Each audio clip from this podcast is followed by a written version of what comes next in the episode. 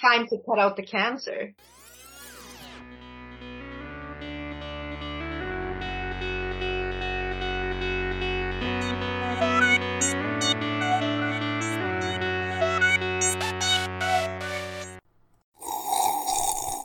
Känsliga lyssnare varnas. Det händer att vi spoilar filmerna ibland.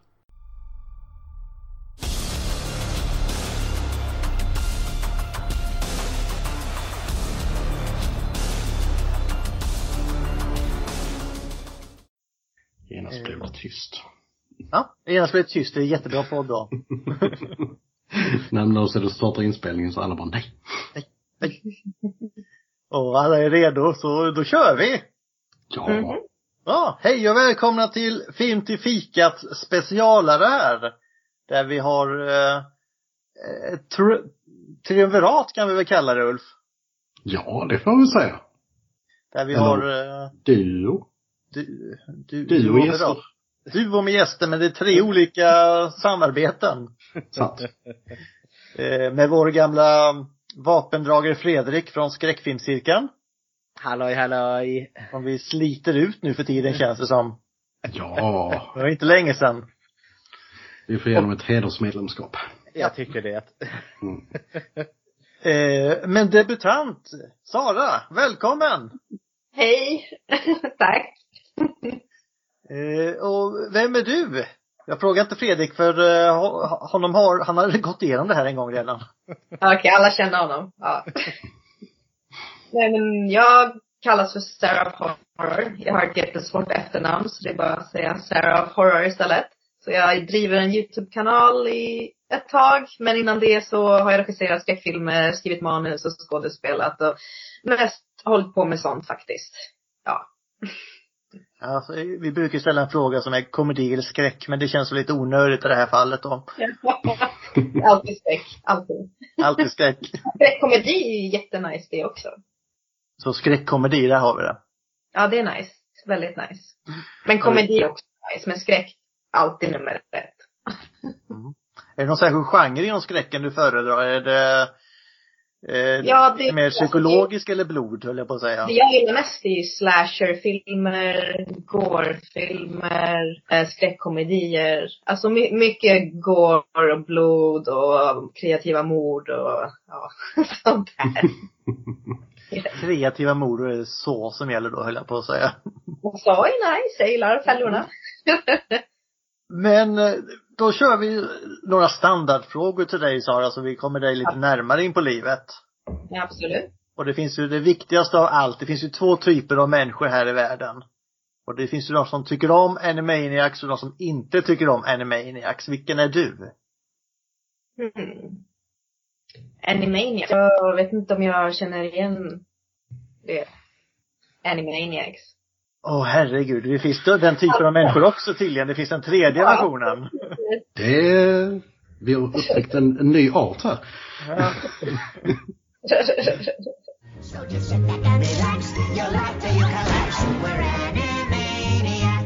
Då får vi göra så så här, då gå in mer på skräck som är din eh, genre. Och Mhm. om vi säger så här att Fredrik har ju tagit på sig rollen att vara the supreme overlord of everything ibland. Så ödmjuk som, som ödmjuk som han är. Det, det behövs en liten förklaring där. Så varje gång Film till fikat har gästat skräckfilmscirkeln så har jag gjort en quiz. Eh, där istället för att de vinner poäng så plockar de poäng från mig för jag har alltid utsett mig själv till Supreme Overlord of Everything. Och sitter Okej. där nu på min ödmjuka tron och sen när de svarar rätt på frågorna så plockar de ner och så petar de ner mig från tronen. Har du någonsin, eh, har du någonsin fått stanna på tronen Fredrik? Nej, jag har blivit nersparkad tre gånger nu tror jag. Ja. Sara, så jag tänkte lite lättare. Jag ska inte plocka ner Fredrik från tronen idag tänkte jag. Så vi tänkte köra så här att du får välja, i hela skräckuniversumet är ett universum. Och alla skurkar finns i det här universumet. De fightas i en strid. Vem står som segrare när bara en finns kvar? Okej. Eh, spontant så bara får jag upp Jason Voorhees. Mm. Som kommer stå kvar längst. Är det någon anledning? Bara för att han är så svår att döda. Han är typ basically blivit en zombie efter Jason Lives liksom. Och det är händer. Oavsett vad det gör. och så den där coola hockeymasken också. Jag tror det är den gör mycket.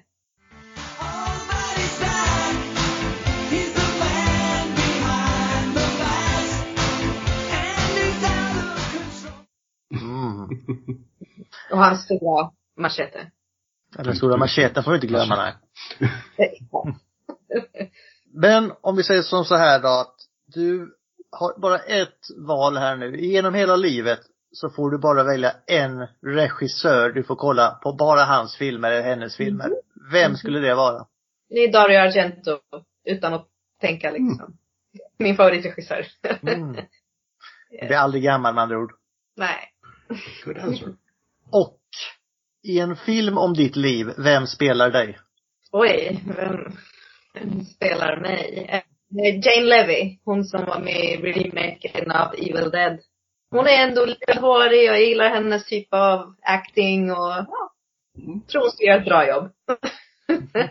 Ja, ja. men då, då har vi kommit dig lite närmare i alla fall med så här standardfrågor Sara för att break the ice lite granna. Tur att inte Linda är med och ställer de här frågorna. Det har blivit helt andra frågor än annan medlem i vår podd. ah, okej. Så att eh, vi har ju toppat laget här va. Åh. Ja, de andra är inte med och kan försvara sig så jag kan säga det här nu. Ja, men du, du vet att eh, vi jobbar på att Linda ska ha ihjäl någon av oss för att eh, vi lyckas förolämpa henne varje gång hon inte är med. Okej. Vi kör på här med eh, regissören tänkte jag. Och då tittar jag på dig lite Fredrik, vem det är. Oj. Regissören här, ja det är ju James Wan. Och han är ju verkligen, uh, alltså modern skräckfilmsregissör. Och är väl lite, ja men alltså säg som eh, 70-talets Toby Hooper och Wes Craven och John Carpenter som liksom karvade ett namn för sig själva med att liksom skapa diverse olika skräckfilmsfranchises så är ju James Wan det för 2000-talet. Och han kickar ju igång, det är ju så filmerna bland annat. När jag är inne på hans IMDB så ser jag att det finns någon film som heter Styggen innan från 2000 här. Aldrig hört talats om den. Nej. Men det, det, det ser lite blodigt ut på liksom själva fonten så jag misstänker att det är någon skräckfilm. Men sen kom ju Så, som jag antar började som en kortfilm där 2003.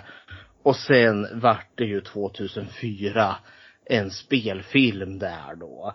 Och den slog ju ner lite som en bomb får man väl kalla det. Och utav dem, det är väl bara första filmen han regisserade och sen har väl han varit med som någon form av producent eller liksom bara varit med och lite marknadsfört de filmerna. Men sen De har ju gått ut för sen också enligt mig, men det är ju bara jag då.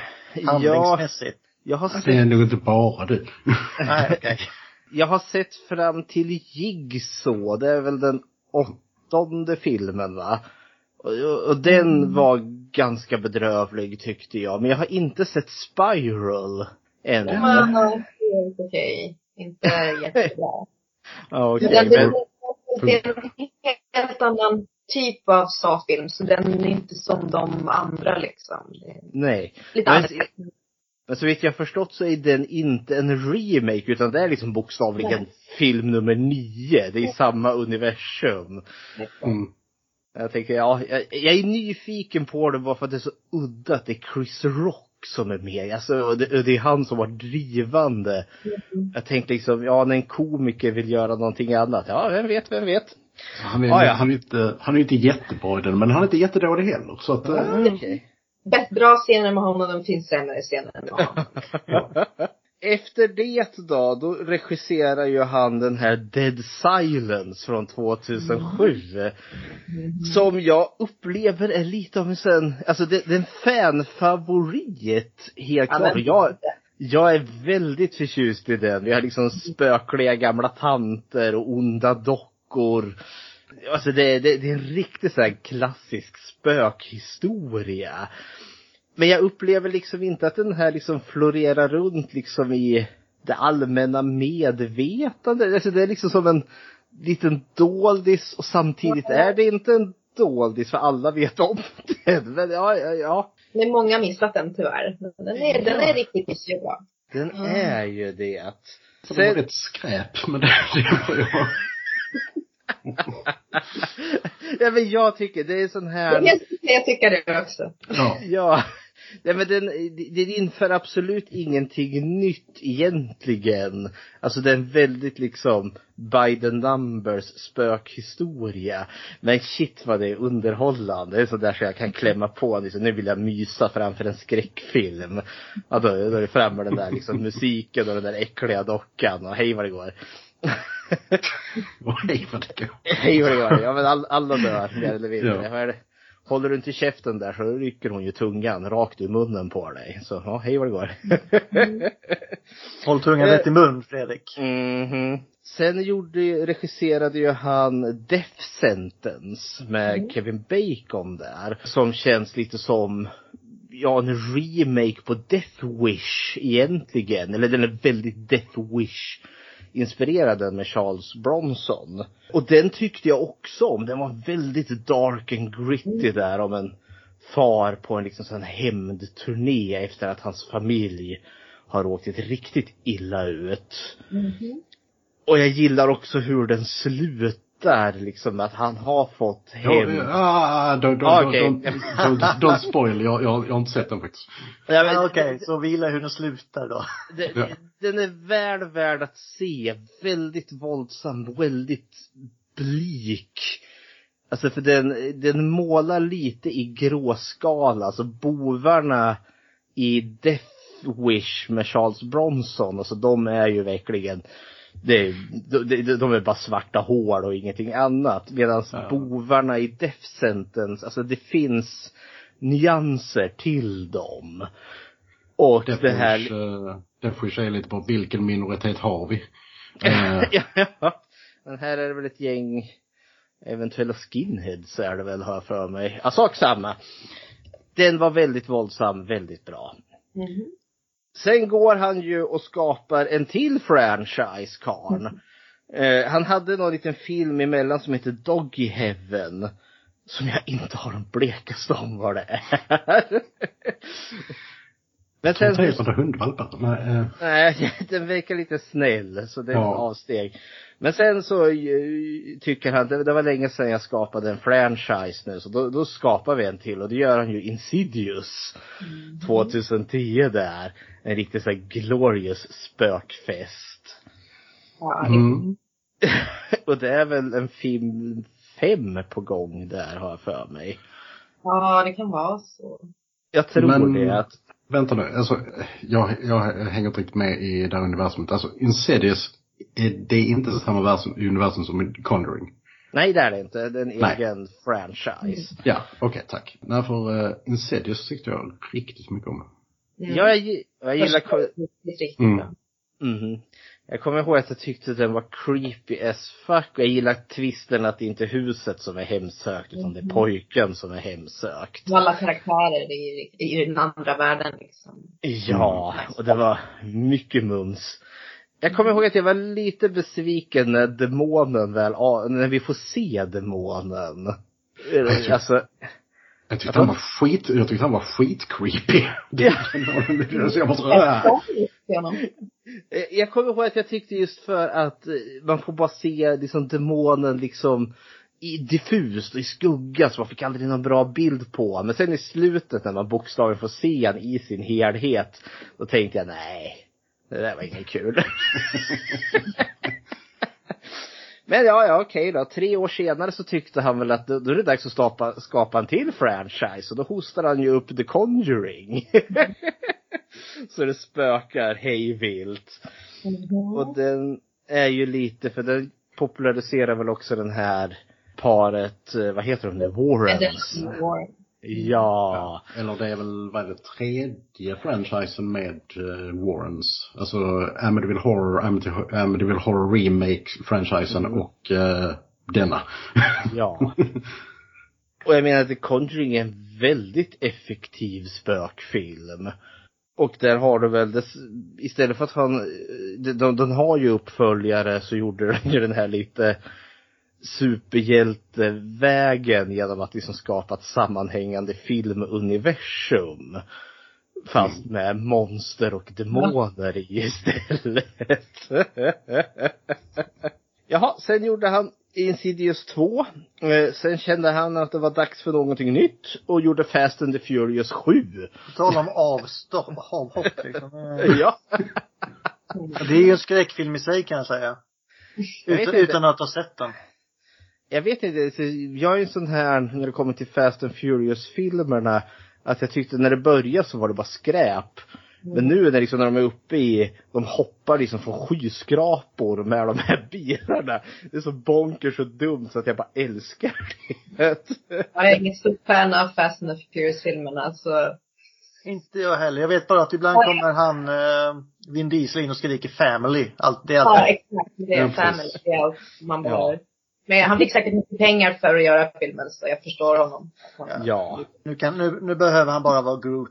Well, he don't know talking good like me and you. So his vocabularistics is limited to I and am and Groot.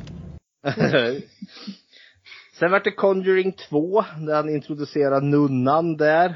Wallach eller vad hon heter. Hon är ju Alla är skitaäcklig. den bästa karaktären. Det är bara Ja. synd att en film var så dålig. Mhm. Ja, den där. karaktär är ju toppen. Ja, jag- alltså det är en, det är en potentiell liksom ny franchise-skurk. Där som jag skulle vilja se mer av. Sen kickade han igång ett avsnitt, eller han, han var med, han regisserade ett avsnitt av MacGyver. Jag har inte sett den nya serien. Inte jag heller. Nej. It's okay. Alltså det är ju inte, det har ju inte alls samma charm som gamla MacGyver givetvis. Men den är bra för vad den är. Men är det inte Richard Dean Anderson så är det inte MacGyver. Nej, det är sant. Nej. Sen gjorde han ju Aquaman, DC's superhjältefilm där. Den tyckte jag faktiskt mycket om. Den var fejsprakande och grann. Helt okej. Ja. Och, och det fanns ju lite skräckeska liksom när de möter de här fiskmänniskomonstren där. Det var ju väldigt liksom H.P. Lovecraft kände jag. Och han, Man märkte att James Wan kunde få med lite Ja. av sina liksom, direktinfluenser ändå.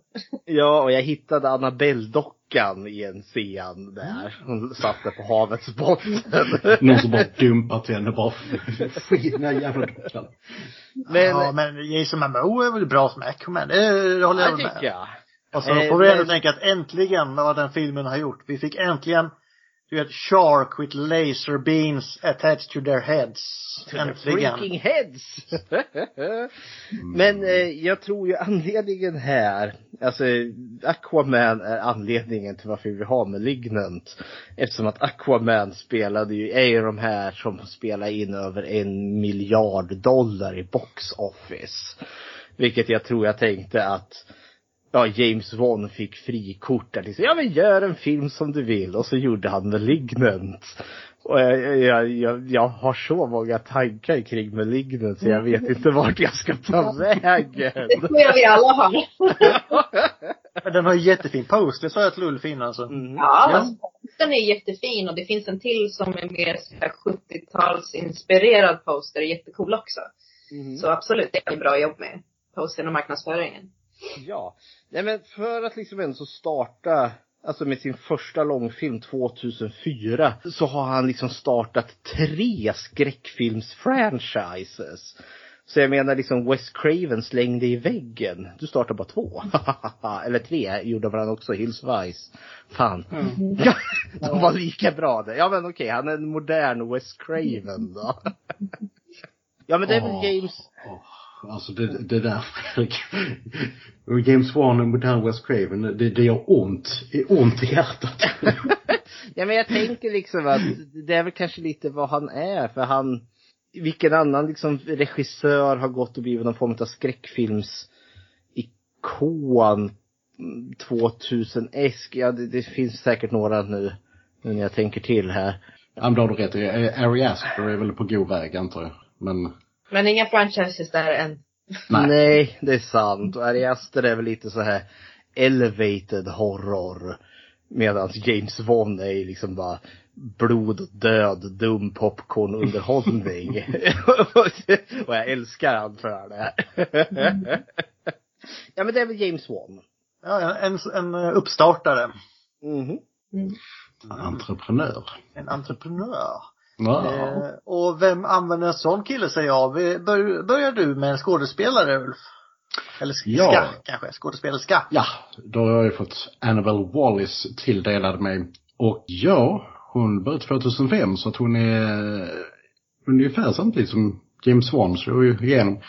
Ja, jag ska säga det första jag har sett med henne. Det första hon spelade, spelade i, det hette, hette Diljo Bikahei. Eh, jag har ingen aning om detta, vad detta är. Jag, jag tror det är någonting indiskt, utan att klicka på det.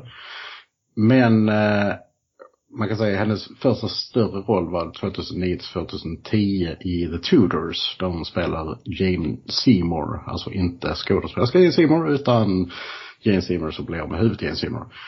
Sen så gör hon ett litet inhopp i X-Men First Class som co-ed så att det är inte de stora rollerna här.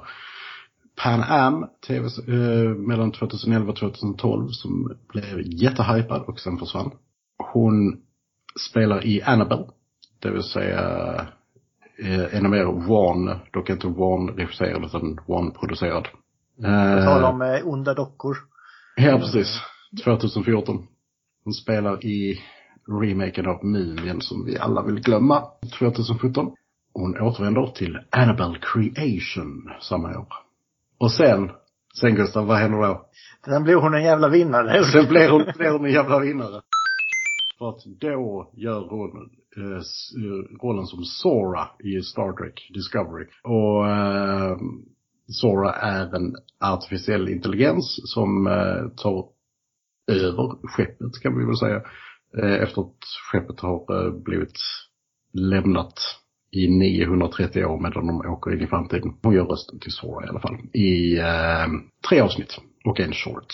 Och sen så spelar hon då Malignant samma år, det vill säga i år, så spelar hon i Silent Night-remaken. Och även i en, film som heter Warning, som jag inte har någon aning om vad det är. Och The Silence of Mercy är i post-production. Så att, eh, Men, men du, vi har en tradition i podden Ulf, det vet du mycket väl. Och jag får aldrig chansen, så nu ska jag, nu tänker jag ta chansen här. För eh, är det någon med någons namn så ska det vara med. Och nu är det här en stretch för det är Gustafsson i The Silencing. det, det, det var en Ja men jag kommer aldrig få en uh, shoutout annars, nu tar jag den här. Alltså om någon så jag kommer ju aldrig få en shoutout. Nej, nej, men nu Nej. tar jag den. Tack. Varsågod. I den här filmen så spelar hon Madison Mitchell, eh, huvudkaraktären som eh, är gift med en douchebag och kan få barn och sen så får hon ett barn genom situationstecken kanske, kanske ett syskon, vem vet. Jag skulle säga att hon Ja. har huvudbry. Ja, precis. Värre än löss. Japp. Yes, det var Voldemort. Nej, förlåt. eh, Det var den karaktären. Sara, har du någon skådis du skulle vilja lyfta? Av- Av alla skådespelare som finns eller? Nej, i själva filmen tänkte jag. Annars så finns det, kan vi sitta här länge tror jag. Det det är inte de största av kändisar vi har här så. Nej, jag känner igen rätt många sådana bit parts. Men Ja, alltså många har ju dykt upp lite här och där. Men jag tror hon som spelar den här polisen. Mm. Henne vill jag lyfta fram lite. Jag tyckte hon, ja jag, jag, jag hade kul att hennes karaktär och tyckte hon gjorde karaktären intressant. Faktiskt. Hon som ja, var partner med den här lite yngre polisen också. Eh, Vi pratar om Nicole då gissar jag. Exakt. Nicole Brianna White. Som jag också hade tänkt lyfta om du inte gjorde det nämligen. Så. Ja, men det kändes lite som en eh, lite annorlunda typ Wanda Sykes karaktär. ja, alltså hon påminner väldigt mycket om Wanda Sykes. Ja. Hon är ju väldigt sassy i hela den här filmen. Jag menar, hon är ju verkligen no bullshit lady. Jag, jag, jag vill ha, om, om det kommer en uppföljare till den här så vill jag att det är hon som är huvudpersonen. Ja, efter att allt det där hände. Ja. Ja, Hon använder sig inte om medium i alla fall, det vet vi ju. Nej, det är glasklart. Nej. Där får vi dock säga att hon är med i en riktig guilty pleasure-film jag har som jag har sett för många gånger. California Man. Från 92. Den är eh, intressant. Ja, det är ju med vår kära Mumien skådis också, så vi fick lite skräck där också. Men hon, hon, hennes karaktär i alla fall är värd en shoutout i den här filmen. Ska vi ge oss in på själva filmen lite grann tänkte jag, för det är så små roller alla har. Absolut. Så, Shoot! shoot, så kör jag och så om det är något ni känner som ni måste flika in så bara skrik. Och annars kör vi lite pauser då och då. Men det är i alla fall så att 1993 behandlade Dr. Florence Weaver och hennes kollegor Victor Fields och John Gregory på en psykklinik patienten Gabriel, Gabriel då, på Simeon Research Hospital. Gabriel har speciella krafter, kan kontrollera elektricitet och sända sina tankar via högtalare. En natt blir dock GB våldsam och dödar flera anställda på institutionen. 27 år senare återvänder... Skrik!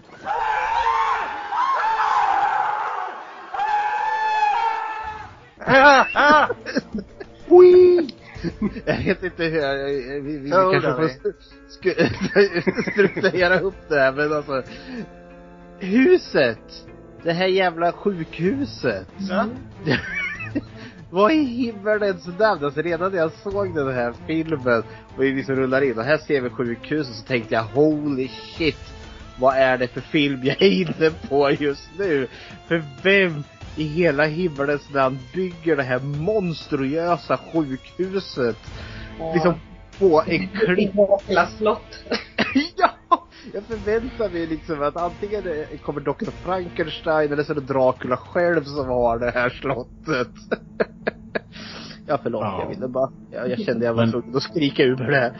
Men har, men har du sett några av de här gamla, eh, de här gamla eh, mentalsjukhusen alltså, som de byggde i USA? De ser, de ser ju helt galna ut, verkligen. Alltså, Ja, men- Men förvisso, jag tänker mig bara liksom mardrömmen att bygga det här liksom på. Alltså det är inte så att den står på en klippavsats. Alltså den är ju liksom med liksom klipporna. Kommer det tillräckligt höga vågor så är det bara spola rakt in i, hos patienterna tänker jag. Den är uthuggen ur berget Fredrik. Ja men det känns lite som, hur fan tar man sig dit med båt? Eller vad? det är så här vattenterapi liksom. Ja. Lite såhär House on Haunted Hills-vibbar. Ja. Jag väntar mig att det var Vincent Price som var doktorn där eller något sånt. Ja, förlåt. Men som sagt, blir man inte galen innan så blir man det av huset då. Men det går 27 år och sen återvänder då Madison Lake, en gravid kvinna som bor i Seattle, hem till sin mindre trevliga make, rent sagt våldsamma make, douchebag, Derek Mitchell. Efter att hennes graviditet fått henne att må dåligt på jobbet. Och det är inte så att han tycker synd om henne direkt. Utan det blir gräl. Och Derek bankar in hennes huvud i en vägg. Vilket ju eh, får henne att börja blöda ganska kraftigt. Vartefter hon låser in sig i sovrummet eh, eh, och somnar. Inte så konstigt, för han står och skriker saker som att eh, Måste du bli gravid hela tiden? Jag är så trött på det och se mina barn dö inuti dig. Så, Alltså det är någonting av det lägsta någonsin. Åh. Men Madison vaknar senare för att hitta Dereks döda kropp. Efter att ha haft en dröm om en man som kom in i deras hus och dödar honom med våld. Mördaren, som fortfarande är i huset, attackerar Madison och gör henne medvetslös. Nästa morgon vaknar Madison på ett sjukhus och blir informerad av sin syster Sydney att hennes ofödda barn inte har överlevt attacken. Efter att ha blivit intervjuad av polisdetektiven Keikoa Shaw och hans partner Re- Regina Moss återvänder Madison hem. Där avslöjar Madison för Sydney att hon adopterades vid åtta års ålder. Och mördaren kidnappade en kvinna här också som kör en tunnelbaneturné i Seattles eh, gamla distrikt. Seattle Underground. Seattle Underground, ja. We're Ja. going deeper underground.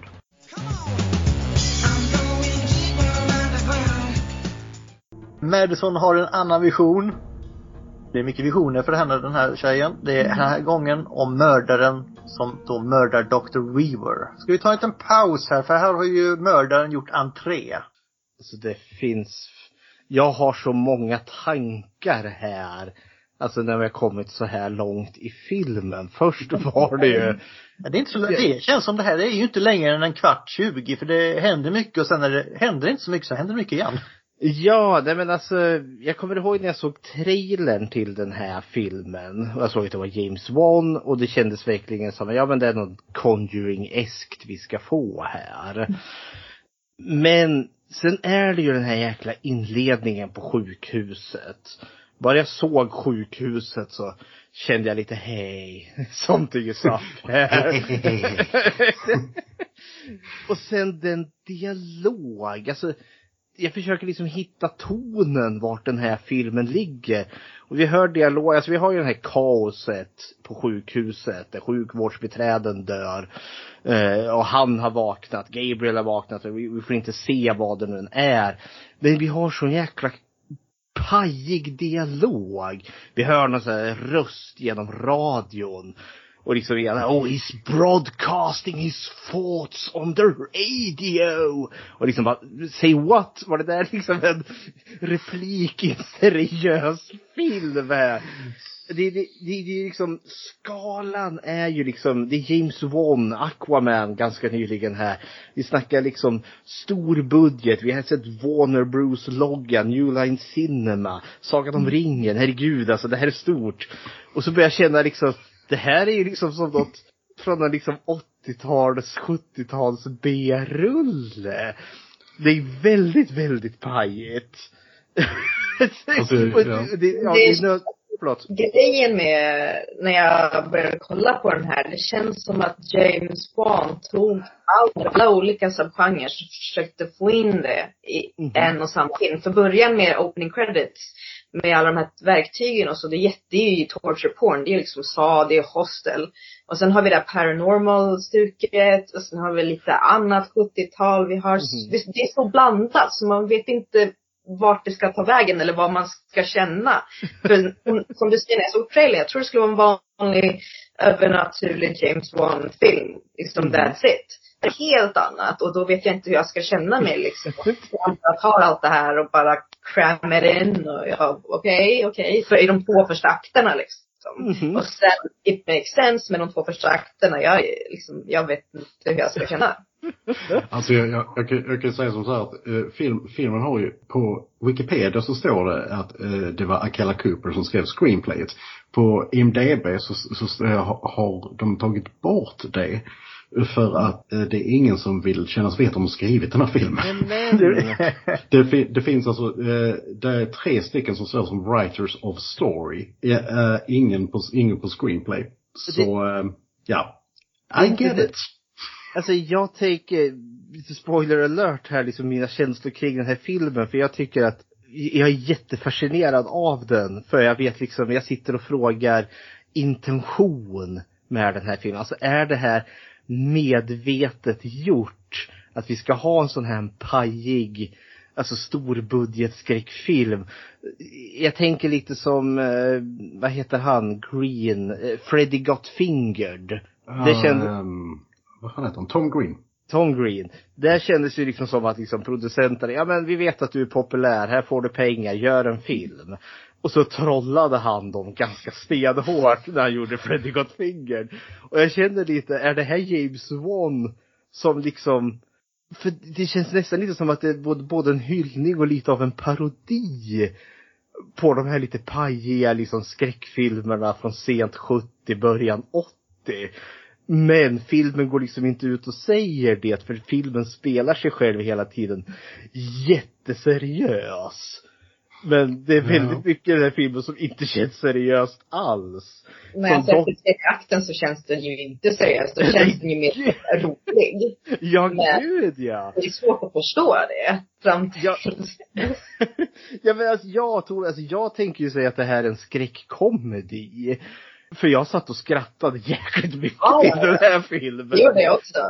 Ja, men, men tonen är inte där. För sen scenen som kommer efter här med den här gravida Madison. Så heter väl karaktären va? Ja. Och den här, en genuint lite otäck scen där med hustrumisshandeln och han dunkar in henne i väggen Mm. där. Och jag kände liksom, hon, hon ligger, man ser när hon, hon har låst in sig där och liksom lutar sig mot dörren och glider ner och då ser man blodet. Och då kände jag, oh nej, usch. Och sen just att istället för att ringa, ja, polisambulans så lägger hon sig och sover. Och jag köper liksom det i den kontexten att hon är en misshandlad kvinna. Hon har varit med om det här förut. Så ja, hon, hon är liksom är fast i sitt. Och där kände jag liksom, oh, nu vart det mörkt och jobbigt här. Och sen, Ja. blir det, sen blir det väldigt klassisk spokfest. När eh, han åker på att där. Och då kände jag liksom, jaha, nu, nu, nu är det Conjuring på gång här. Och det sitter, Ja men vilket jag, jag, jag kan inte riktigt se det som den här liksom skräckkomedin. Alltså just det som den, den tar avstamp i liksom kvinnomisshandel. och sen så, det sätter ju tonen på något väldigt konstigt och mörkt sätt. Och sen så, ja. Jag tycker sen- inte den hämtar Nej. liksom inte sig från det. Nej, det, den står på väldigt många olika ben här. Men just där då när han går runt där och tvn tänds och vi har en digital, alltså LG-TV med det här static. Alltså Myrornas krig. Ja just det. Det är inte möjligt på en sån. Men vi vet att static det är spooky så det ska vara med i en film. och, och, ja, men, och sen då, ja, siluetten där utav den här långhåriga figuren som sitter där. Och så, och så blir det mörkt och så är den borta. Jag tänker, ja, ja men det här, det här känner jag igen, det är mysigt. Och så dyker den upp och slår ihjäl han, hej vad det går. Ja, det är mysigt. och så var det slut och sen blir hon attackerad där. Eh, och liksom dörren flyger all världens väg. Och, och sen vaknar hon upp med polisen där. Så liksom, visst, nu har vi byggt upp det. Var det ett spöke? Var det mördare? Men samtidigt förstår jag att det har ju något att göra med inledningsscenen. Ja, det jag- måste det ju vara. Men hur? Det, ja. Ja, och det är nästan lite så, det är nästan lite så jag önskar att man hade skippat inledningsscenen. Eller gjort den mer diffus. Eller hade lagt den någon, någon annanstans. Alltså i det- filmen. Ja men lagt den i mitten liksom, skippa ha bara den här liksom inledningen, hon kommer där, jag är gravid, blir misshandlad. Sen monstret där, maken dör. Oh, då hade jag nog varit väldigt intresserad. Mm. Det är jag fortfarande, men jag sitter här med liksom tusen frågetecken. Alltså, alltså mitt, mitt intresse är ju ungefär så här bara. Vad? Va, va, va, va? Ja. Och sen också fortsättning, hon, hon vaknar upp på sjukhuset, maken är död, det var väl ingen större förlust. Nej. Men, Men jag blev tillfredsställd när kan jag säga, när han dog där, det kan jag säga. ja. Jävla Och ha- space. Och, men hon vaknar upp i sängen där och vi förstår att hon har förlorat sitt barn. Och det är väl tredje barnet nu, tredje gravitation, äh, gravi, gravitationen. Gravitation. Graviditeten som inte har gått. Det är jobbigt att förlora gravitationen. Ja, det är väldigt Tre gånger dessutom. Det, det borde innebära att du fortsätter upp om du förlorar tre gånger för det blir ett ojämnt antal. Ja. Ja men, eh, för då blir det också så väldigt seriöst liksom. Systern är där och tar hand om Ja. henne och hon, hon tittar liksom apatiskt ut genom fönstret för liksom bara ser hennes sorg och förlust där. Så det vi liksom tillbaka i brådjupet liksom av missfall och liksom, ja havandeskap som har gått åt skogen där liksom. Ja, nu, är nu är vi nere i och krälar i Norénbottnen. Jag tycker du ger den här lite mycket cred nu Fredrik. Ja, vi stannar ju aldrig där så jag... Vi kör lite vidare en liten stund här.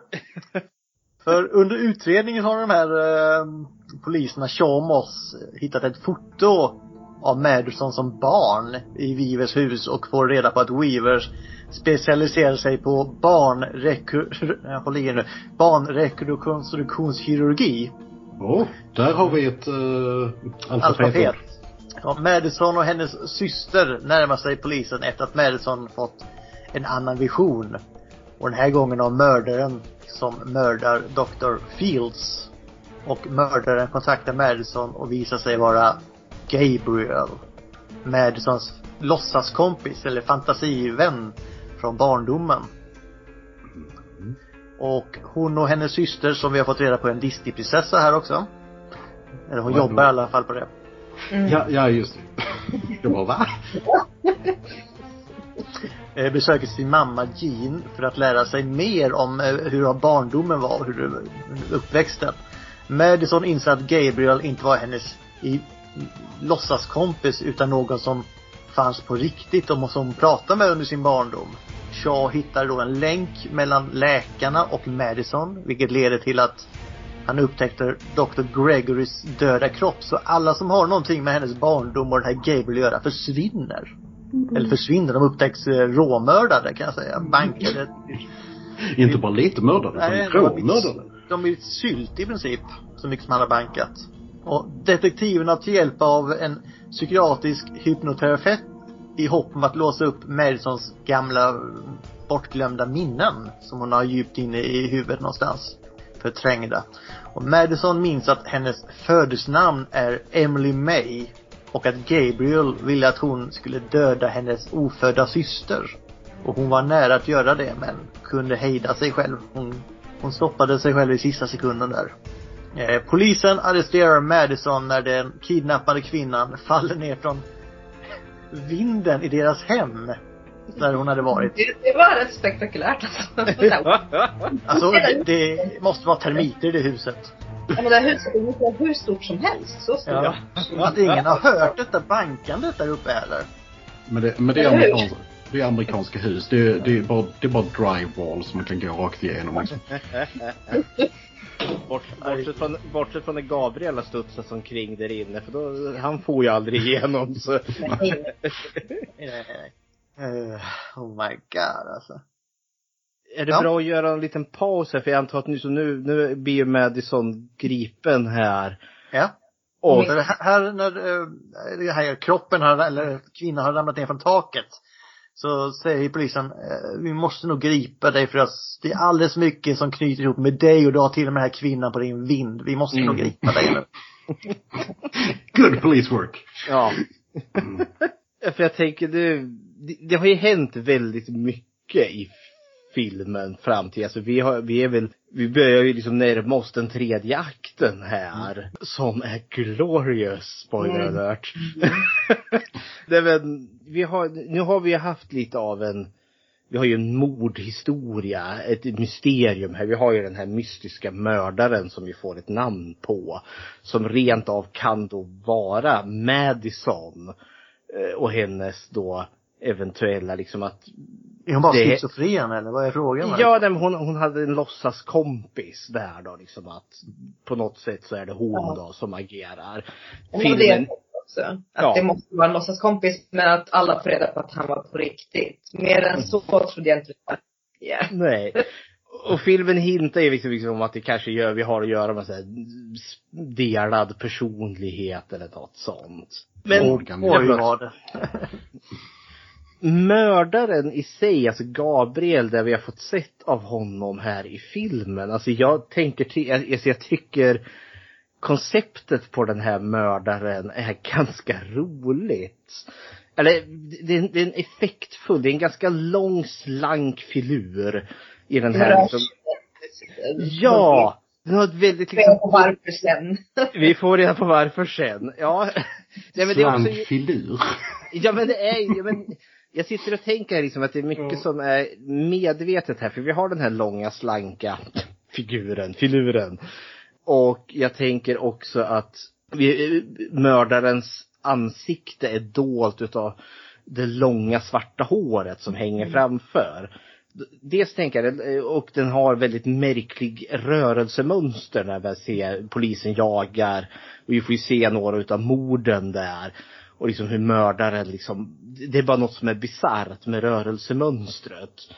Och Och då då fick kunde, vi in den, eh, och där fick vi in den asiatiska eh, skräckfilmsgenren eh, också. ja men jag, jag tänkte så, flickan Allt med, möjligt. Alla möjliga genrer i den här. ja. Och sen lite Slenderman tänkte jag också. Lång slank filur med konstiga armar som sticker fram där.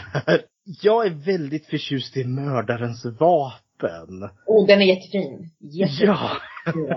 Kan du beskriva det? Vem av oss? Eh, Den som känner sig manad. Jag Is, pointy. kalla den liksom. Men den är ju, alltså den påminner om något typ som finns i giallo-filmer ibland i den här lilla, jag vet inte ens hur jag ska förklara det. Kanske du är bättre Fredrik. Den är vacker. Alltså det är ju, det är en trofé förstår vi ju från, som han slår ihjäl första doktorn med. Och det är, det är som ett spjut i mitten och så är det typ som en sån här triumfkrans på vardera sida. Och så var det ju två ormar som han lindade runt. Ormarna tog han bort. Exakt. Ja, och sen har han liksom slipat sidorna på det här spjutet. Ja, så så det det blir-. Ja, men också den här liksom lagerkransarna som går upp längs sidorna. Det känns ju som att han har format det så att det blir som en, som ett knogjärn. Så han liksom har den här så att det stora liksom bladet sticker upp mellan mördarens liksom långfinger och pekfinger där. Ett långt jävla fuck you-finger. Ja! Och han använder ju den verkligen, alltså det är chockerande grafiskt som den här stackars mannen som han hugger ner i sängen. Ja. Jag har bara matar slag i ansiktet på honom med det här liksom stora, stora spjutet. Men det håller jag med dig Sari. Alltså där satt jag och tänkte, oh det här är väldigt jalloeskt. Liksom ett Mm. udda vapen. Och också färgspråket kom ju in där. För när han blir mördad då är det bara det där röda ljuset som lyser in. Och Då, då, då kände jag Dario Argentos ande. Liksom. Ja, Suspiria där. Ja. Mums mums.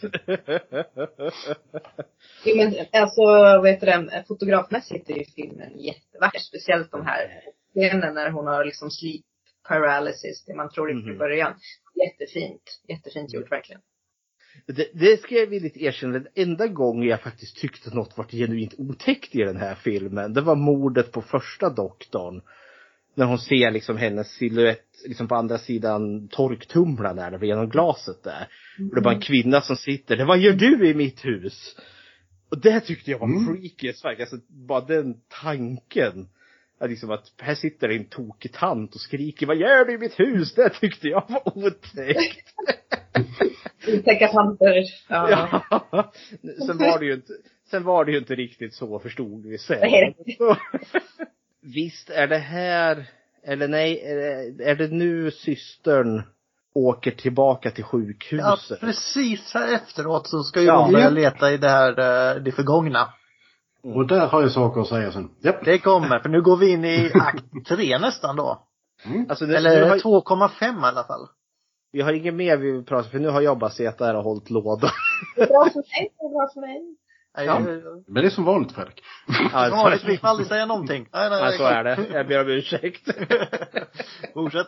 Men här, här blir ju då hon gripen av detektiverna. Bröderna Hardy. Nej, men eh, poliserna här i alla fall.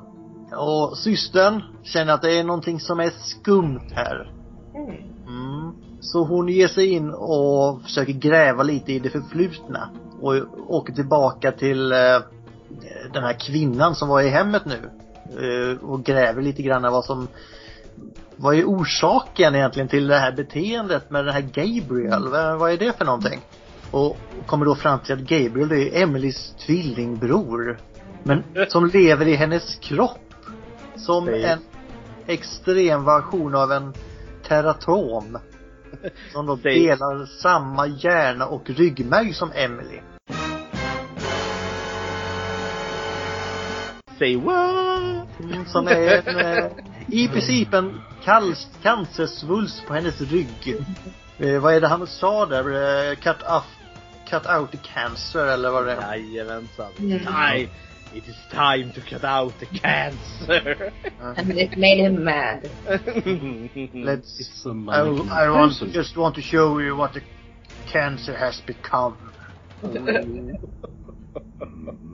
Ja, men under Emelies barndom så dök den här Gabriel upp då som en, ett halvformat barn med ansiktet utåt från Emelies rygg.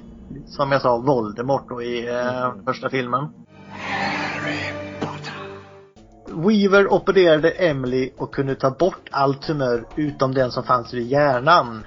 De kunde inte få bort allt för då hade Emily också dött. Så de sa så här att ja men då får vi göra det bäst, bort så mycket vi kan. För en ska överleva här och det blir Emily. Jag förstår för Gabriel såg inte så kry ut. Han var inte stabil alltså. Mm. Eh, det ser ut som han, eh, den mänskliga alien-versionen i Aliens. Åh oh, gud no. oh. ja. Ja. Så de skär bort allt och så säger det, det överblivna från Grail, Gabriel, det puttar vi in i huvudet på henne här vid- bredvid hennes hjärna och så syr vi igen. Jag vet inte, det är en skitbra idé. Ja, ja. Var skulle vi annars lägga det? Ja, exakt. Men Gabriels huvud är ju vid liv där inne. Det har ju vaknat till liv av den här smällen som hon fick ja, när hon slog, när hans, hennes pojkvän slog hennes huvud mot väggen. Och nu dyker då Gabriels ansikte upp då och då här och på baksidan på Madisons skalle som öppnar upp sig och han tittar ut där. Och kan ta över hennes kropp och styra henne. Fast allting går ju liksom då bakvänt. Och han har ju tydligen då kraften också att göra om hennes ben och bryta armar och sånt och det är inga problem. Eh, men det, är bara att acceptera för han kan kontrollera det och typ elektriska maskiner och sånt här. Så därav de här konstiga rörelsemönstret får vi reda på. Och att han har så långt hår som hänger framför ansiktet för sig. Mhm. Och det förklarar även de här upp och nedvända fingeravtrycken som fanns på alla brottsplatserna. Alltså nu tycker jag att de förklarar väldigt mycket om den här filmen. Men då fortsätter vi då. För Gabriel, för nu är hon inslängd här i ett, i ett fång, eh, i ett fängelse och de andra fångarna gör narr av henne och sparkar på henne för hon ser ju ut att vara lite uppity. Nu, Hon hör inte hemma där så då måste man ju spotta och sparka på henne, det är inte så konstigt. Vilket får mig undra vad liksom hon, kvinnan från 70-talet gjorde där hon med platådojorna och afrohåret. Så känns som att hon skulle vara i käfilm egentligen. Ja men då fick de in Blackula också. Så det... Ja, ja såklart. Och lite mer vad, hur blev de kompisar de andra som inte verkar ha något med varandra att göra i cellen? Men du vet, det är bara hat mot alla som... Ja, eh, ja, common enemy. ja, heter Madison Lake Mitchell. Alltså bara det namnet låter jag på det. Ja, exakt. Äh. Men GB blir provocerad när de slår henne. För de slår ju i princip honom då också ju. Nu blir det batshit crazy i den här cellen. För nu vaknar Gabriel till liv. Man får se för första gången när skall, baksidan av skallen öppnar sig. Alltså rent estetiskt tycker jag det ser bra ut. Mhm. Mm. Och nu tar han då full kontroll över Madisons kropp och slaktar alla i den här cellen. Och som Fredrik sa, nu är det, nu är gory awesomeness. Alltså precis innan det här började, så satt jag i bilen och tänkte, gud vad awesome det vore om hon bara, om det var hon, att hon bara slaktar alla i den här cellen. Och är det det som händer? Det är att jag måste se skallen öppnas, som jag bara wow, det här är ju amazing. Så jag bara satt och njöt. Det här började liksom. Det, jag tror, jag tror de flesta tänker likadant där, att det här, det här är bra grejer. Men jag, jag tänker att det, det är det här delen som antingen makes it och breaks it. För köper man liksom inte det här då är det ju då liksom filmen faller platt på sitt ansikte. Men alltså här satt ju jag med händerna upp i luften och bara skrek woho! ja, ja, jag sånt leende på läpparna. Jag ses. Sen varför Gabriel blir så jävla smidig när han går baklänges, det kan jag ju inte svara på men han går som en krabba i alla fall. Och är jättestark till råga Ja. Eh, jo men han har ju tagit henne, leda på här, att det är han som är orsaken till alla hennes eh, missfall. För han har sugit kraften ur barnen så han kan ju säkert använda den kraften på något Ja. konstigt sätt. Jag vet inte hur, Men det, får vi ju inte reda på förrän i filmens absoluta Nej. slut. För Innan, ha, innan har vi ju, ja, for, nej, kör på du. Och I alla fall så, åh herregud vad det händer mycket här. ja. Eh, Efter den här slakten i alla fall. Så har ju, nu, nu är han avslöjad. Mm. no shit. Och han attacke, attackerar de här eh, polismännen, eller poliserna, Ja. Shaw och Sidney, attackeras av Gabriel. Och här informerade man då Madison att Gabriel är orsaken till hennes missfall. Här får de reda på det. Eftersom han matade hennes, han, tog, han åt upp hennes foster i princip. Mm. För att ge sig näring och kraft. Yes. Och då blir Madison det är då hon vaknar till liv. För hon är ju hela tiden liksom lite som i The Sunken Place som vi såg i en annan film Ulf. Mhm. Yes. Eh, Så hon ser ju liksom som en åskådare när Gabriel gör allt det här. Ska, nej, nej, gör det inte Gabriel, gör det inte. Han bara, jo, fuck jo, det jag visste. Men han, han, han matar henne med liksom en falsk bild. Som är liksom, vilket gör henne liksom Ja, hon är ju, exakt, så hon är, han är ju lite, hon är hypnotiserad kan man ju nästan säga. Till att vara Ja men passiv. liksom, ja men det, det har liksom varit förklaringarna till de andra morden. Hon tror ju att hon har varit hemma. Men han har ju liksom gett henne liksom som en synvilla egentligen. Ja. Och sen, Han har byggt upp en värld liksom. ja och den spricker väl sen då kanske precis vid själva mordögonblicket. För nu har ju Ja. Gabriel, är ju så att han vill ta hämnd på alla som har sett till att han är den han är nu ungefär. Mhm. Och det visar ju sig, vad är det, kvinnan som föll ner från taket är ju hans biologiska mamma, eller deras biologiska Yes. mamma. Och det är Leo Madison då. Och nu ligger morsan där på sjukhuset och nu ska Gabriel, nu är ju båda morsan och syrran där. Så nu har ju alla i samma rum. Och då kommer även den här eh, plastsyrran då, som hon har växt upp med, Madison. Och det är därifrån hon får reda på det här med Gabriel, att det är han som är orsaken till de här eh, missfallen. Det hon skriker det och då blir, då förstärks hon på något sätt och lyckas alltså bryta igenom den här hypnosen hon, hon är i och ta över Gabriels, tillbaka sin kropp igen.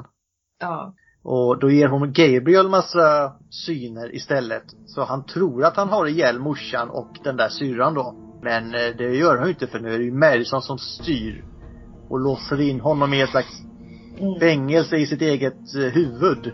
The power of the mind. Mm, exakt. Och det är ju bokstavligen det, så det är bokstavligen ett galler som dyker upp och han står och skakar i det. Ja. Ja, jag tycker den scenen var faktiskt helt okej. Mhm. Tillbaka på sjukhuset så får hon då full kontroll på sin kropp igen. Och hon är fortfarande lika stark, höll jag på att säga. För hon lyfter upp den här sjukhussängen. ja. Som om det vore ingenting. Ja. Och sen tar hon då och kramar sin adoptivsyster då och säger att jag har kontroll nu och han ska inte komma ut igen. Frågan är bara, det är rätt många som har dött här. Hur förklarar ni bort detta efter filmen? Alltså, det, Ja, Det- men det, jag har något i mitt huvud va. Ja, men det är lugnt. Jag har kontroll. Men Ja. det, det är ju det här som är den här filmen liksom. Den, den finns inte i en logisk värld. Nej, absolut inte. Och fram, framförallt, det, det, är det, här, det är här den verkligen börjar störa mig. Alltså just att James Wan, och då, då tror jag faktiskt att han trollar eh, full, fullständigt. För att eh, han har ju gått ut och sagt att bara, ja men det här är baserat på en helt original IP eh, och så vidare och så vidare. Det här är ju The Dark Half av Stephen King. Draget, Eh. till sin, draget till sin spets. Helt klart. Eller Basket Case. Ja, alltså, men, också. alltså, men alltså The Dark Half, en, eh, en alternativ personlighet som lever i teratoma i huvudet. Alltså, Jag menar- också men. Och Samtidigt är de, jag säger, alltså, det, oh, det här slutet är ju bonkers på alla de sätt som tänkas kan. Vi har ju den här, dels du nämnde Sara här innan, huset de är i. Hur jäkla stort är det egentligen? För det vart också nästan så här en komisk grej för de har hela tiden den här exterior shot. Vi ser det här liksom lilla smala tvåvåningshuset. Oh, det är liksom, jag, kan, jag, kan, jag, liksom, jag ser det med mina egna ögon att det är ett litet smalt hus. Och så är vi inne i det och det är liksom, det är enormt. det är först- så kallat eh, Doctor Who-hus. Ja, nej men liksom det är som Tardis som går in i det. Nej, men, ja, men, och det förstår jag också för det, det är ett hus, liksom, det är en studio. De måste ha utrymme för att kunna köra runt kamerorna i här.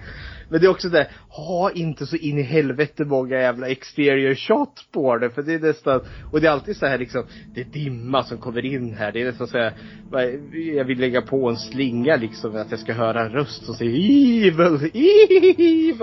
Varje gång jag ser det där huset. Och samma är det ju med den här polisstationen, den här fängelsecellen eller häktescellen. Hur enorm är inte den? Gabriel mördar typ 20 personer i Ja. den här. Och det Ja. finns fortfarande utrymme att få in minst 20 till där. Och det, och det, ja, det är liksom bara, det är bara en tom yta. Och så är det liksom Ja. bara, ja, här, in mer. Och så likadant med polisstationen. För jag tänker, ja men James Wan har ju lite så här vida vinklar. Jag tror inte han har mött en enda vid vinkel som han inte har tyckt om. Så jag tänker han, ja det vet här. Och det är lite estetiskt coolt. Men så förstår man ju i slutändan varför polisstationen är så stor. Jo, för vi ska ju ha liksom en Matrix action scen där, Gabriel liksom Assassin Creedar ihjäl 30 poliser eller något sånt där. Det, det är liksom så, jag förväntar mig att Arnold Schwarzenegger som Terminator ska stå där i hörnet och tänka nej det här är till och med overkill för mig. Alltså det var så nice när det började i fängelsecellen och sen det slutade inte.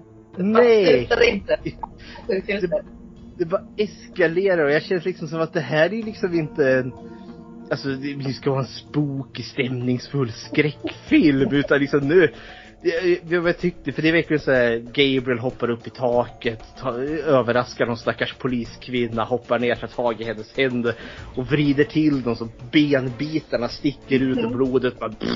Ja, men han, hugger handen av, eller armen av en polis och kastar den på en annan polis. Yeah! Den akten, den är, den är som du sa, den är bara bonkers. Det är bara Ja. Annat. Som jag hade ingen aning om att det skulle komma liksom. Det bästa polisen är ju han som står utanför cellen när Gabriel är inlåst. Och lutar sig in genom gallret för att skjuta honom. Ja, det, Ja, vad fan. du vet, man måste kunna sikta bättre. Då. Jo, jo, Ja, ja, det förstås. Du kan inte backa för han, kan- alla är döda där inne. Du behöver inte luta dig fram. Det Han gick eh, Stormtrooper-skolan med att sikta. Ja. men, det- samtidigt, jag, säga, jag satt och tänkte här, hur många filmer det, det var en ganska glorious scen där liksom hela polisstationen går åt skogen. Och så att jag tänkte, jag, jag satt och tänkte på liksom, ja men Terminator när Arnold bara mejar ner hela polisstationen. Och så kom jag att tänka på Maniac Cop 2. Som var Av också- alla saker. Ja, men den är också en glorious scen där han, eh, Maniac Cop, mördar en hel polisstation. Så nu hade vi en tredje. Ja, det är ganska många sådana fi- skräckfilmer speciellt där liksom den är, eh, förövaren är inlåst i en poliscell men tar sig ut och Mm. Hittar därifrån. Det är, Ja, men det, ja, det är fantastiskt. Men just det här slutet, eh, när Gabriel är orsaken till hennes missfall. Mm. Det fattade inte, alltså jag, som när jag såg den här, alltså Gabriel har kastat sängen på syrran och ska sk- till att skjuta henne. Då blurtas det ut för första gången. Han har mördat alla dina ofödda barn.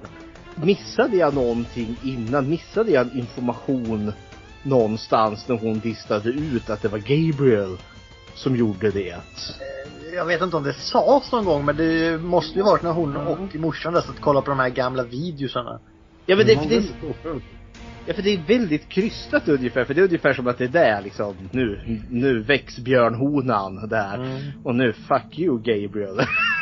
hon har ju varit liksom så väldigt passiv genom hela filmen här liksom. Och det, jag håller på att bli tokig, det är kanske jag som är mördare. Nej men det var din parasittvillingbror som har mördat dem. Nej nu jävlar. Alltså när man är en åskådare i sin egen kropp då vill jag också säga att man är ganska passiv. Det, Mm. det, Ja, jo förvisso. Men Mm. liksom han, jag köper att monstret som inte har gjort något annat liksom än att sitta liksom och manipulera och vad, vad han nu gör. Hur lyckas hon liksom vända det så snabbt? Hon fick liksom två sekunder på sig. Så det var liksom bara det var liksom som att trycka på en knapp ungefär och sen fick hon. Ja, men det var hennes, eh, det var det hennes var typ, trigger. ja men det var typ det viktigaste i hennes liv. Hon ville liksom ha barn och gravid och sådär. Det hade aldrig funkat och Nej. Ja. Väl. Och sen när hon hör, hörde det där då kanske, ja men det var som en liksom trigger som Ulf säger. Det var liksom, oh shit. Ja, jag, jag gillar det, alltså för det, det- för det blir ju, hon blir ju verkligen boss lady där. Men så Ja. blir det, det är ju lite också så här campy, för när hon väl har låst in han i sitt mind prison, så är det ju verkligen Curse you, I will be back again!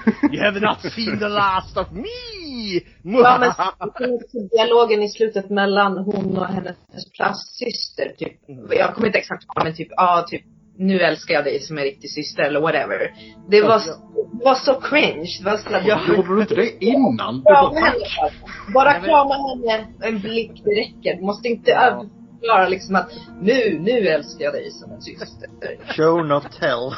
Jag, jag skrev, skrev i, min, i, i min recension av den att karaktären är så illa skriven att man börjar undra om det är en AI som försöker lura oss att den har fått självmedvetande och ligger bakom. Eh, så att, ja.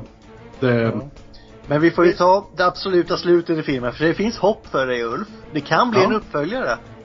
Ja! För det, när man, när vi, Den är som tre, hela tredje akten. Att hela filmen är så. Ja, det, när, vi, när vi zoomar ut här i slutet nämligen, när de sitter och kramar varandra och morsan sitter och tittar lite sött sådär på dem. Så ser man ju den här brummande lampan, så Gabriel Ja, är ju där någonstans och lurkar. Jo, absolut. ja, men det är också, varför kan Gabriel kontrollera el? Och varför är man smidigare och... Reasons!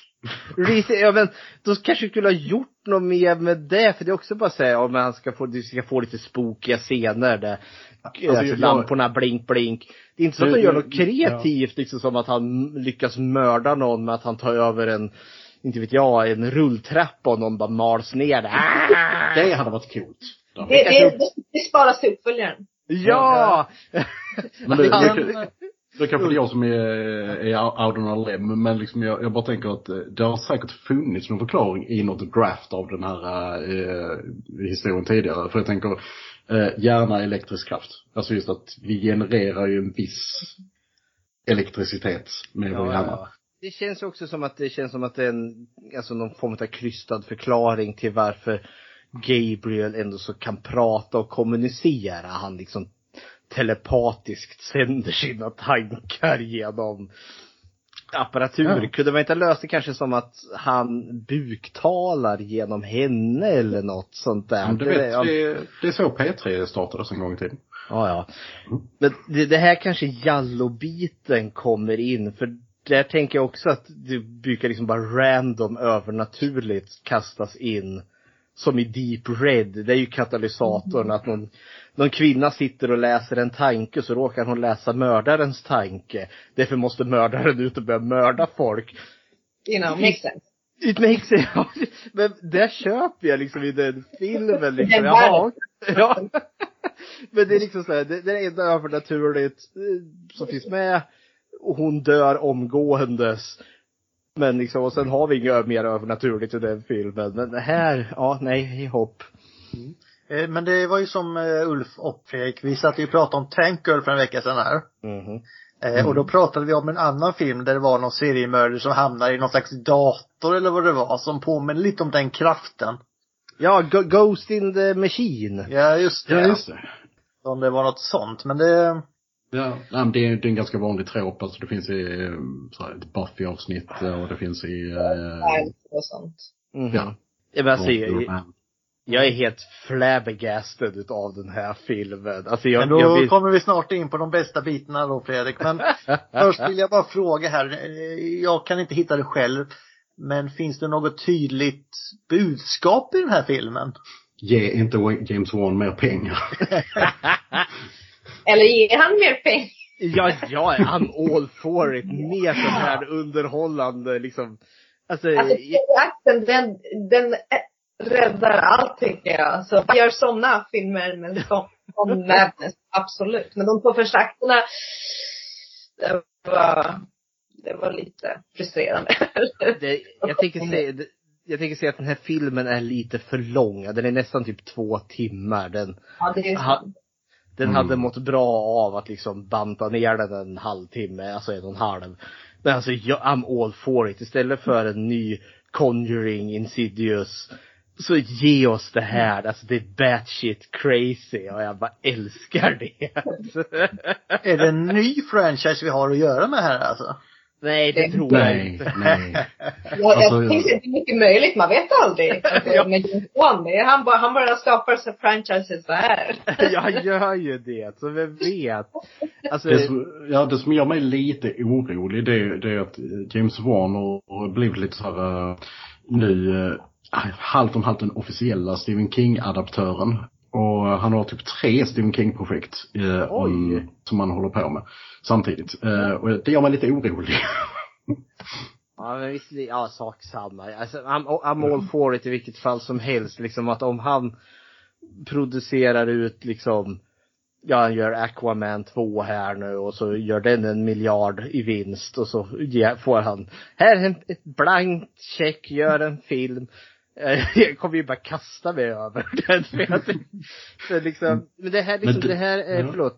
Ja, men alltså det här är bara dum underhållning. Jag tänkte, vi, vi recenserade ju halloween-filmerna i våran podd ganska nyligen med Halloween Kills. Och där kändes det som att, alltså den filmen tar sig väl själv väldigt seriöst och har liksom undertoner där med liksom Black Lives Matter och liksom sådana saker. Den här filmen är bara liksom trashy popcornsunderhållning. Den sig inte sig själv seriöst i alla fall. Nej, och jag känner jag behöver inte. Jag har ingenting emot med Ja. skräckfilmer med sociala budskap. Men shit, ge mig bara liksom det var min parasittvilling som var mördaren. Ja, det är. Och det som är lite roligt med det här också, det är att det finns ju en låt som går igenom hela filmen lite då och då. Jag tycker inte den passade så bra, men det är, jag tror det är remix av Where's My Mind. Så om man vet Yes. om låten, det är en jättespoiler. Jag tänkte jag bara, det är den här Where is my mind? Jag bara vänta, det måste ju ha någonting med liksom bara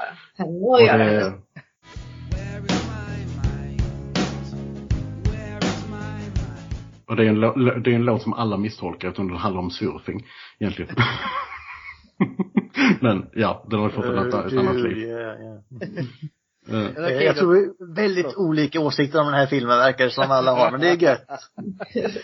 Ja, du frågade ändå om den här filmen har något form av budskap. Och jag tyckte väl eventuellt att det krystades in något där på slutet när hon säger liksom att this is my body now. Nay, and since I'm the host, I extend my hospitality to you. That is very gracious of you, Sidney Dean, but I don't want your hospitality. I don't want to take advantage of you in your house. You go ahead.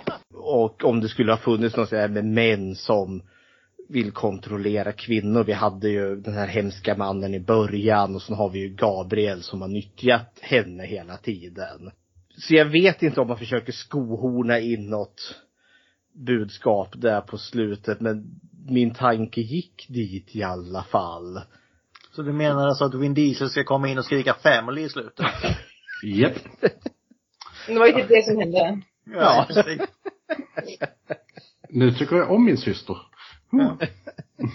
Mhm. Ja, några andra budskap innan vi går vidare, hörni? Nej, jag kände inga Jag, hade, jag kände inga budskap sådär. Däremot, Sara, har du någon favoritscen och någon som du tyckte var riktigt dålig kanske? Alltså favoritscenen är ju definitivt när allting börjar i fängelset där. Alltså den där slakten. Det, det är ju därifrån jag började gilla filmen jättemycket. Det sämsta, det, det måste vara slutscenen med den här krystade dialogen. Det var bara så. Fängelsescenen och sen polisscenen när alla liksom blir slaktade. Det, det är favoriten. Absolut. Vad säger du Ulf? Ja, jag får väl ta ett koncept då som jag gör ibland. Och det är att jag, jag, jag tycker liksom att den här filmen är bara så totalt tondöv. Att den, eh, den har liksom så här sådana saker som exempelvis eh, misshandeln av henne, att hon, att hon får missfall etc. Och sen så mixar vi med alltihopa annat så att eh, det hade kunnat bli en alltså, kul genreblandning men för mig så går film liksom bara så whoop, åt två helt skilda håll. Det är absolut sämst. Men bäst för, ja, om man säger så här, jag, jag, jag tycker väl, om jag ska ta en annan scen än eh, polisstationen, för den är ju, den är ju rätt kul eh, rent eh, tekniskt. Så eh, ska jag säga att det är eh, efterspelet av misshandelsscenen. Alltså just för att där känns det fortfarande som att, okej, shit, det här är jävligt obehagligt. Sen, Vad säger du Fredrik? Alltså jag håller med Sara, det är svårt att komma ifrån när Gabriel rockar loss i väktet där gistandes och sen den här helt, ja också egentligen väldigt liksom tondöv till resten av vad filmen som har varit lite creepy och sådana saker till Matrix, Matrix action-scenen där Gabriel mördar en polisstation. Alltså det var glorious. Sämsta scener, alltså den här jag satt och tänkte lite på när syrran återvände till sjukhuset, alltså Draculas sjukhus där på, på klippavsatsen. Dr. Acula. Ja, ja, men det känns som att där skulle man ha gjort någonting. Dels så parkerar hon liksom bilen så jag tänkte, oh, hon kommer åka över kanten där. Vi ska få någon actionscen där. Och sen kryper hon runt i det här sjukhuset som vi ändå så vet var öppet på 90-talet. Men sjukhuset är fullt utav massa dammiga rullstolar från 20-talet. jag bara satt och funderade också, men tömde man inte det här utan man bara lämnade alla liksom journaler och så bara gick man. Men det hände ingenting där, alltså det var ju bara en plot point för att hon skulle hitta VHS-kassetterna. Då Som har hållit sig väldigt, väldigt väl i det här, uh, här arkivet som Ja. Så som skit. Nej men det, det var en för mig sen när jag tänkte efterhand, alltså det var bara en utfyllnad scen för jag tycker den här filmen är för lång. Eh, Om jag, jag har ingen specifik en jättedålig scen, men jag, alltså det finns mycket onödigt som man skulle kunna trimma bort så att vi liksom får, så vi snabbare kommer till, till fängelset. Allt som fattas i det här eh, greve Dracula sjukhuset är den här blixten ovanför i princip. Jaha. Eh, nej men alltså den bästa är ju den här polisscenen men eh, om vi ska ta någon annan så vad, vad fan ska vi ta för någon? Jag, jag gillar ju starten för jag tyckte den var väldigt rolig. Alltså det är inte bra på något sätt men den är underhållande. Men jag satt ju mest och tänkte på annat och tänkte vad fan är detta? Jag fick en typ någon Jurassic Park-vibb här där shoot her! När han stack in armen där liksom. Clever girl. Ja men typ. Nej men eh, och sämsta, det är ju svårt att välja förutom när morsan åker igenom taket där som bara är konstig. Så är det ju kanske reaktionerna när eh, syrran sitter och kollar på de här filmerna med Gabriel när han är på eh, ryggen. Hon tar det ganska bra. Ja men de är ju inte människor i den här Nej. filmen, de är ju robotar. Och så är det så här, jaha, oj, var det så det var? Ja, ja. Men det är också sån här, eh, om, nu kanske jag går åt ett annat håll här men alltså medicinskt. Alltså att det här inte är århundradets liksom mest studerade fall med flickan som hade den här parasittvillingen som satt på hennes rygg. Varpå det barnet också tydligen kan kommunicera genom radiovågor och kontrollera el. Alltså jag känner, det måste ju vara, ja nej, nej. förlåt. Just det, ja. Men nu säger det ger ju det här A Monkey on your back en helt annan innebörd. Ja, ja. ja, kära någon. Jag tror det var on your back. Ja. Men då får du fortsätta Fredrik, om det finns någon karaktär i filmen du gillar. Jag vet att Ulf inte tycker det finns någon karaktär överhuvudtaget. Vad tycker du? Ja men jag gillade ju hon, nu kommer jag inte ihåg vad karaktären heter, men den här kvinnliga polisen. S- eh, Sassy lady där. Alltså jag vill ju, kommer Re- det eh, Regina Moss. Ja. Eh, hon var ganska osympatisk, hon var ganska oförstående. Hon, hon hade ju ingen sympati för fem öre. Men jag gillade hennes no bullshit attitude. Eh, och kommer den uppföljare när, när Gabriel maler ner folk i rulltrappor så vill jag att det är hon som håller på att utreda det här liksom. Nu är Gabriel tillbaka här. Oh. Så he, he, henne tycker jag var, var kul.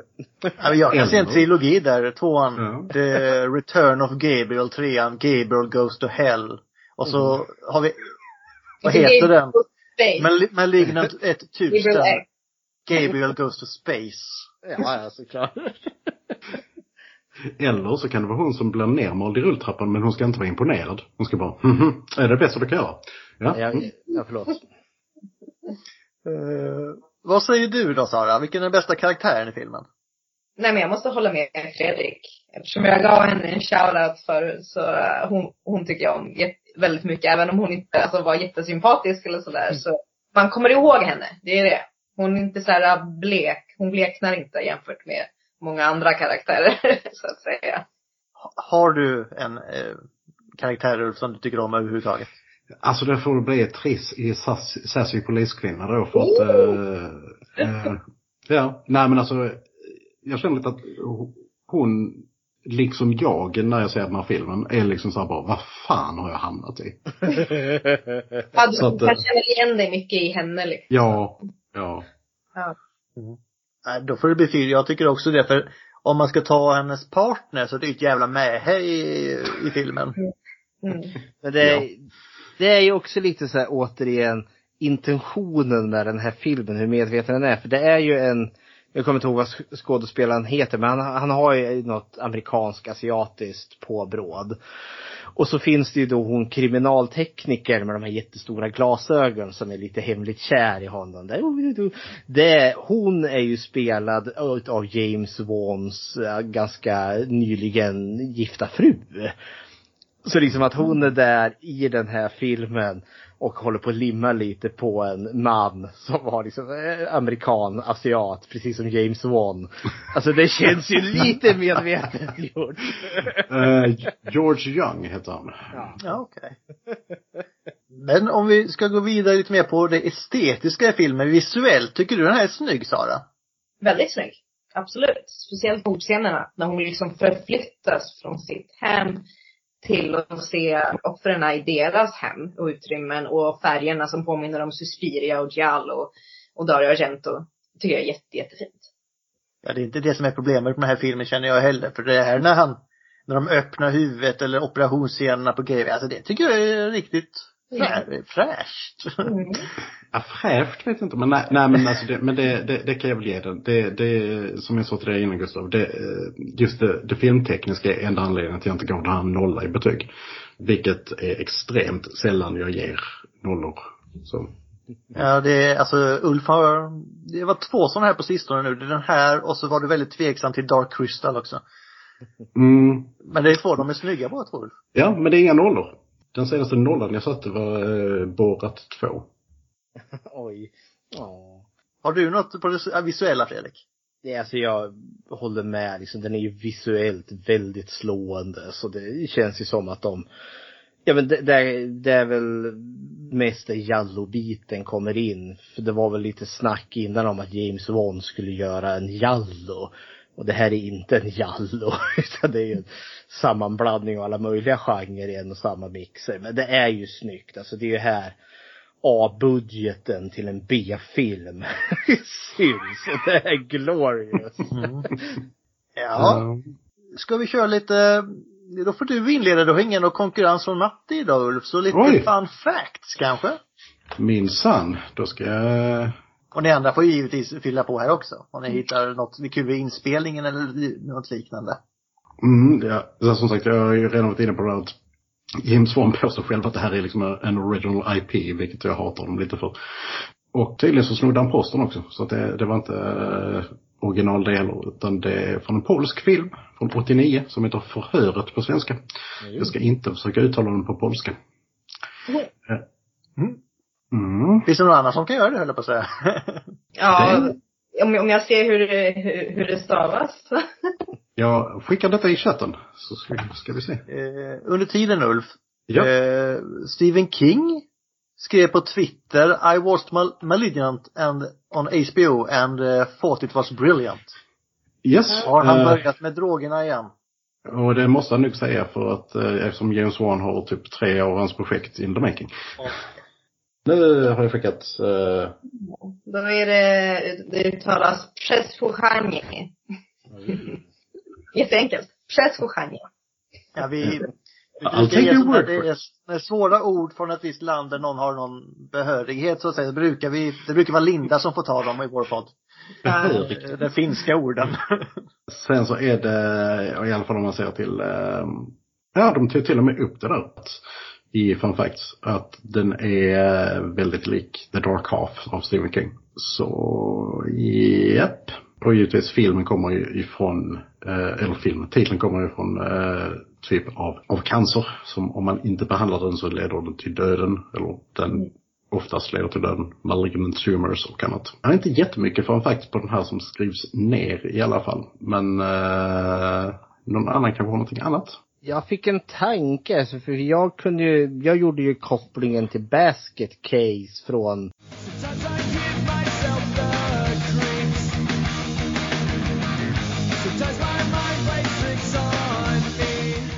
vad är det, Ja. 82 eller något sånt. För där har du också en, vad är det, en parasittvilling som opereras bort. Men där gör ju det liksom mot hans vilja, alltså för Belial heter ju tvillingen Mm. där. Och det, han är ju inte ond på något vis och vänster utan han opereras ju bort för att det är estetiskt fult typ. Och sen söker Mm. ju han hämnd på doktorerna. Och det är ju väldigt likt det Gabriel gör. Men det, det, det här funderar återigen om det finns någon tanke här. Belial är ju liksom ett namn på en demon. Eller som kristendomen tog någon sån sumerisk gud och sen liksom för att få bort dyrkan så gjorde man ju i regel dem till onda väsen. Så Belial heter tvillingen där, men han var oskyldig. Så går vi till Gabriel. Eh, så går vi till Gabriel som då är ju namn på en ängel. Ängeln som kommer till jungfru Maria där. Och han är ju snorond, rent av demonisk. Så jag tänkte om det fanns någon sån grej där. Belial är god men har ett demonnamn. Gabriel är ond som stryk men har ett namn efter en ängel. Nå, nå, nå. Men Alltså det är, det är den största stretchen jag någonsin har hört talas om. Men det är en väldigt intressant stretch. Så att I'll give you that. Jajamän. Jag också säga att Gabriel är ganska visuellt ful han också. Alltså. Ja, jo förvisso. Ja. Har ni någonting annat där innan vi går vidare på vad alla faktiskt tycker om filmen? Då har vi något som kallas för Star Wars-skalan Sara, som vi kanske ska vara förklara. Mm. Och det är vår kära poddkamrat Matti som har kommit upp med för han tycker inte om att ge betyg. Så här har vi då, därför, så därför ska vi ha en skala från 1 till 9. Där då alla representerar en Star Wars-film 1 till 9. Och då är det ju inte en etta är sämst eller bäst och 9 är bäst och sådär. Utan här ska du sätta i paritet med vad du tycker om de olika Star Wars-filmerna, hur bra de är. Så om du tycker en femma är bäst, så sätter du en femma om du tycker den här är det bästa du har sett. Eller om ettan är det sämsta, så sätter du en etta på den här. Så ska vi inleda med dig Ulf, så vi får lite rullande innan Saras tur. Vad tycker du? Hur skulle du placera den här filmen och varför? Ja, och föga förvånande så är det en etta till Phantom Menace eh, för mig. För att eh, den är, eh, den är fruktansvärd. Eh, precis som The Phantom Menace är. Eh, så att, ja. Men ska inte skräckfilmer vara fruktansvärda? De ska vara fruktansvärda på ett bra sätt. Okej. Vad säger Fredrik då? Nu är jag nyfiken. Det här är ju också fruktansvärt, men det är fruktansvärt underhållande. men alltså det, förra avsnittet vi spelade in i skräckfilmscirkeln, då spelade vi in om Suspiria, remaken från 2018. Och den hyllade jag till skyarna, alltså det är ett genuint mästerverk med, på alla nivåer. Det är inte riktigt Malignant. Men shit, shit vad kul jag hade när jag såg den. Men jag är väl medveten om dess brister också. Men alltså för mig blir det här, och jag kommer inte ihåg vad den heter, är det Revenge of the Sith? Alltså den tredje Yes. filmen. För utav det jag kommer ihåg utav den och, och först, alltså rem, eller reboot-trilogin, eller prequel-trilogin. Så var det bara Revenge of the Sith som jag tyckte var ett ganska roligt spektakel att titta på. Och det är vad den här filmen är. Framförallt. den har the higher ground alltså. Ja, den här har the higher ground. Det är som är säkert. Så det här är the Revenge of the Sith för mig. Alright. Känner du dig redo Sara? Har du fattat ett beslut? Ja, alltså det var så länge sedan jag såg alla Star Wars-filmer. Och jag gillar ju de, liksom, de äldre, 4, 5 och 6. Och, och Malignant är inte lika bra på den skalan. Ja. Men Malignant har en av de bästa tredje akterna jag har sett i mitt liv. Men två av dem är mycket sämre, första och andra akterna. Mhm. Så det, det blir bara ett helt okej betyg. Och, och den jag har färskast i minnet är Star Wars The Rise of Skywalker som också hade en del ganska tråkiga eh, scener i början men kom upp sig lite mot slutet. Så därför får det bli den i så fall. Så episod 9 alltså. Ja. Det är Gustavs favoritfilm. Ja. Ja, vi tycker väldigt olika om eh, Star Wars-filmer, så är det ju bara. Så jag säger lite, nu kommer det här vara konstigt, men jag säger Episod 8, The Last Jedi. Beroende på slutet här, men det är tvärtom. För här är jag lite så här, ja, jag underhåller men, eh, första halvan av filmen och så här. Men slutet är ju amazing underhållande i den här filmen. Fast det är tvärtom i eh, Last Jedi, för där, där kan jag så här köpa första halvan. Och sen i slutet blir jag bara förbannad så jävla dåligt och konstigt om man har styrt ihop det. Man kan inte avsluta på en, nej, mm. Mm. Du, Vi ska inte öppna den dörren. nej vi ska inte öppna den här rymdstridslådan igen. Men det var faktiskt så att nu har vi en liten jobbig bit kvar här. Och då får vi slåss om den. Och eh, känner någon att de har ett bra quote från den här filmen? Vi brukar nämligen ha ett quote i början av avsnittet från filmen som någon spelar ut här. Fredrik, du hade ju från Tank Girl. Ja. Jag tänker, Sara, har du något quote som du skulle vilja lösa upp för, eh, som början? Eh, från den här filmen. Yes. Är Time to cut out the cancer. Det är, det är väl det som representerar hela filmen liksom. Ja. ja, det är det faktiskt. Ja, den här filmen är cancer. You heard it here first. Det kan vara bra cancer, det kan vara mindre bra cancer. Finns det verkligen något som heter bra, mindre bra cancer kan jag köpa. Alltså det, det, det kan jag nog. Men det var nog faktiskt allt för idag hörni.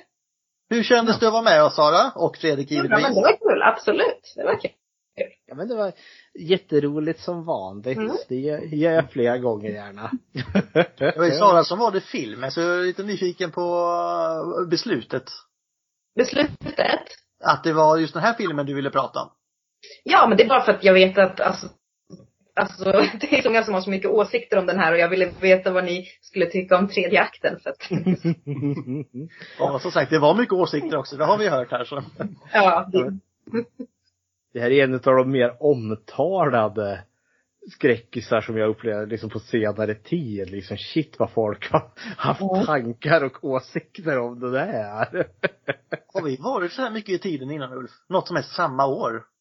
Jag tror inte det. Vi brukar ju, du, du brukar alltid välja filmer som är gamla som gatan. Och jag får aldrig några filmer. Vi, vi har haft, okej vi bröt faktiskt Gustav eh, skräckväldet idag när vi spelade in att det blir en Linda-film nästa vecka. Den är, inte, Eh, den är inte ung den heller kan jag säga. nej, inte som Linda.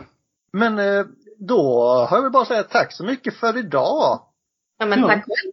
Hoppas att se dig snart igen Sara. Absolut. Och så finns du, du på Youtube för alla som vill se. Yes, Sarah of Horror. Bara type it in. Exakt. Och Fredrik, du finns ju som vanligt på skräckfilmscirkeln. Jajamensan. Och Ulf, du finns på Filmtrafiket. Jag, jag finns. Du finns, bara existerar. Ja. Vi har inte opererat bort cancern än. Nej, okej. Ha det!